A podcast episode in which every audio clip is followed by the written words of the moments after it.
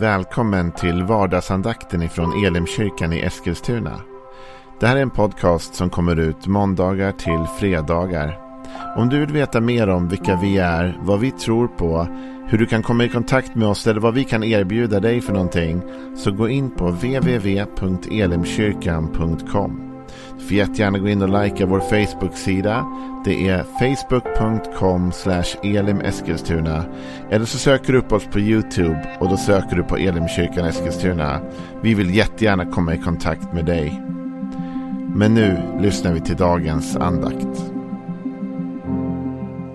Då är det skärtorsdag idag och vi går in i påskhelgen kan man säga med full fart. Och innan vi gör det så vill jag bara säga att ikväll klockan 19.00 så är det ett senare stunder från Kjula baptistförsamling. Du hittar en länk på vår Facebook-sida och på vår hemsida. Så missa inte det. Jag vill också slå ett slag för att jag har en bokcirkel som heter Lev generöst utifrån min bok. finns information om det på Bromma folkhögskolans hemsida som är brommafolkhogskola.se. Så klickar du på kortkurser och så hittar du den bokcirkeln. Gå in och läs. Det är fyra tillfällen digitalt och det kostar 150 spänn. Och då får man också min bok så det där är superbra. Idag är det skärtorsdag. Och nu har vi talat om tro hela veckan. Och vi ska tala om tro även idag. Vi har talat om vad tro är. Vi har talat om hur tro kommer till oss. Vi har talat om hur tro växer. Genom att vi använder den så växer den. Men vad händer med tron i prövningens tid? Getsemane är ju Jesu stora prövning kan man säga. Innan korset. Det är hans ångestkamp. Och jag tänkte vi skulle läsa om Getsemane. Och så ska jag säga något om tro utifrån den texten. Vi läser tillsammans ifrån Matteus evangeliet 26 kapitel och den 36 versen. Sedan gick Jesus med dem till en plats som kallas Getsemane. Och han sa till lärjungarna, sätt er här medan jag går dit bort och ber. Han tog med sig Petrus och Sebedeus båda söner och han greps av sorg och ångest och sa till dem, min själ är djupt bedrövad ända till döds. Stanna här och vaka med mig. Han gick lite längre fram, föll ner på sitt ansikte och bad min far, om det är möjligt så låt den här bägaren gå förbi mig. Men inte som jag vill, utan som du vill. Han kom tillbaka till lärjungarna och fann att de sov. Då sa han till Petrus, så ni kunde inte vaka en enda timme med mig. Vaka och be att ni inte kommer i frestelse, för anden är villig, men köttet är svagt. Sen gick han bort för andra gången och bad min far, om den inte kan gå förbi mig utan jag måste dricka den, så ske din vilja. Han kom tillbaka och fann återigen att de sov, för deras ögon var tunga av sömn. Då lämnade han dem och gick åter bort och bad för tredje gången med samma ord. Sen gick han till lärjungarna och sa till dem, sover ni fortfarande och vilar er? Nu är stunden här då Människosonen utlämnas i syndares händer. Res på er, nu går vi. Han som förråder mig är här. Det här är en oerhört tuff stund för Jesus. Det är här Jesus brottas med sin kallelse. Det är här Jesus brottas med det han måste gå igenom för dig och mig. Han vet priset han kommer behöva betala. Men han är på något sätt osäker på om han vill göra det. Inte om han vill göra det, men om han klarar orken. Ni vet, han har dödsångest i det här läget. Kring det han vet att han ska och bör göra. Men ändå är det så tungt. Hans själ är djupt bedrövad. Han greps av sorg och ångest. Så Jesus har en brottningskamp med sig själv och med sin kallelse. Är det verkligen, måste det bli så här? Måste jag göra detta? Och det är det hans bön handlar om. Och man kan tänka att det här är väl inte alls en bön i tro. Var finns tron i Jesu bön här? Där Jesus nästan vill på något sätt kunna slippa undan, komma undan detta. Tron finns överallt i den här bönen. Trons bön i prövningens stund är en bön i förtröstan. Det är en bön som visar hur djupt förtroendet för Gud går. Vårt förtroende för honom och vår tro testas som allra mest i prövningens stund. Det är inte när livet är lätt och glatt och allting funkar och vi åker räkmacka genom livet som vår tro verkligen testas. Det är lätt att tro för seger på soliga dagar då allting funkar som det ska.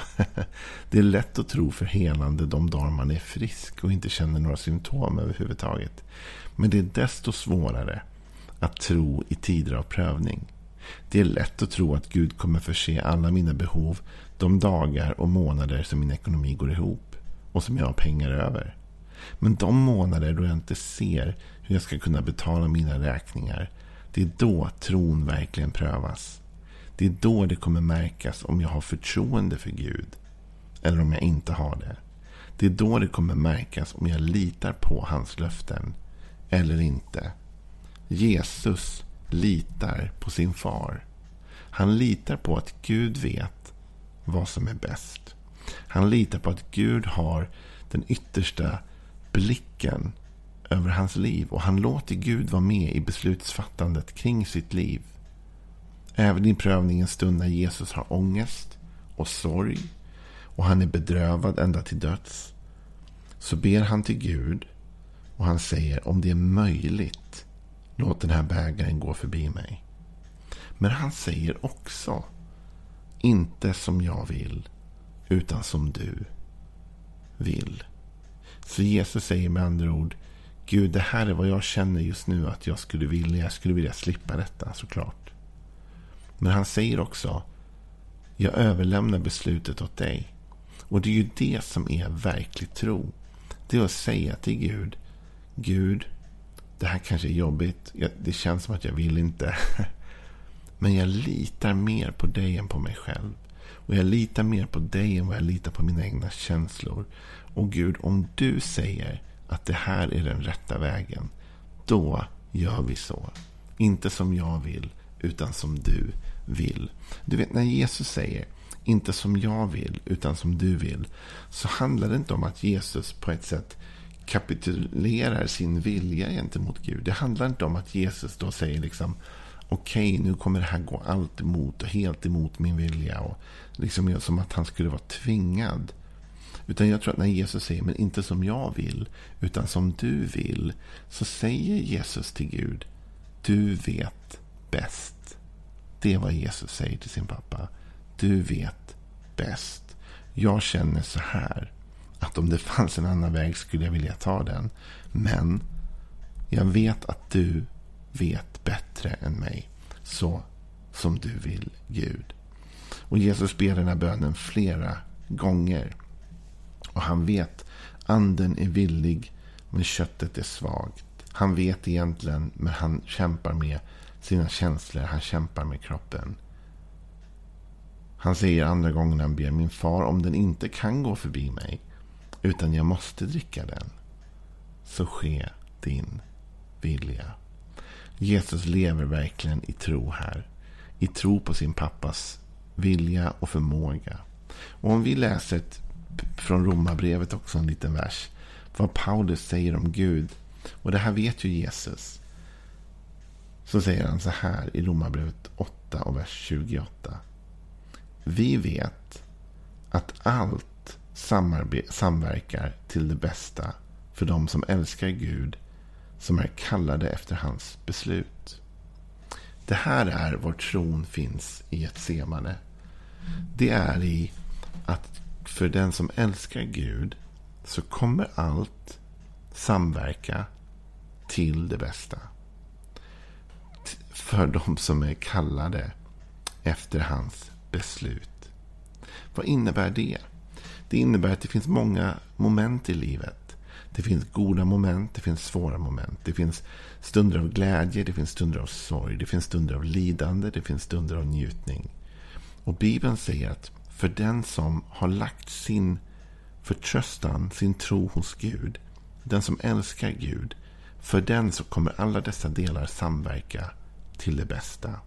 Även lidandet, även prövningen, även utmaningen samverkar till ditt bästa när du har lagt din förtröstan hos Gud.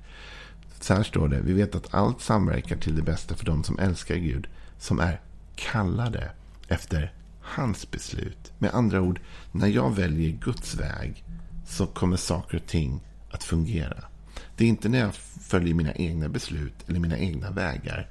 Men jag litar på att hans beslut leder mig till det bästa för mig. Och det är klart, man kan tycka att vad fanns det bästa i att bli förrådd? Var fanns det bästa i korset? Du vet, det är inte där det bästa fanns för Jesus. Det bästa fanns i uppståndelsen och i sin himmelsfärd. När Jesus, det står att han sitter på Faderns högra sida nu.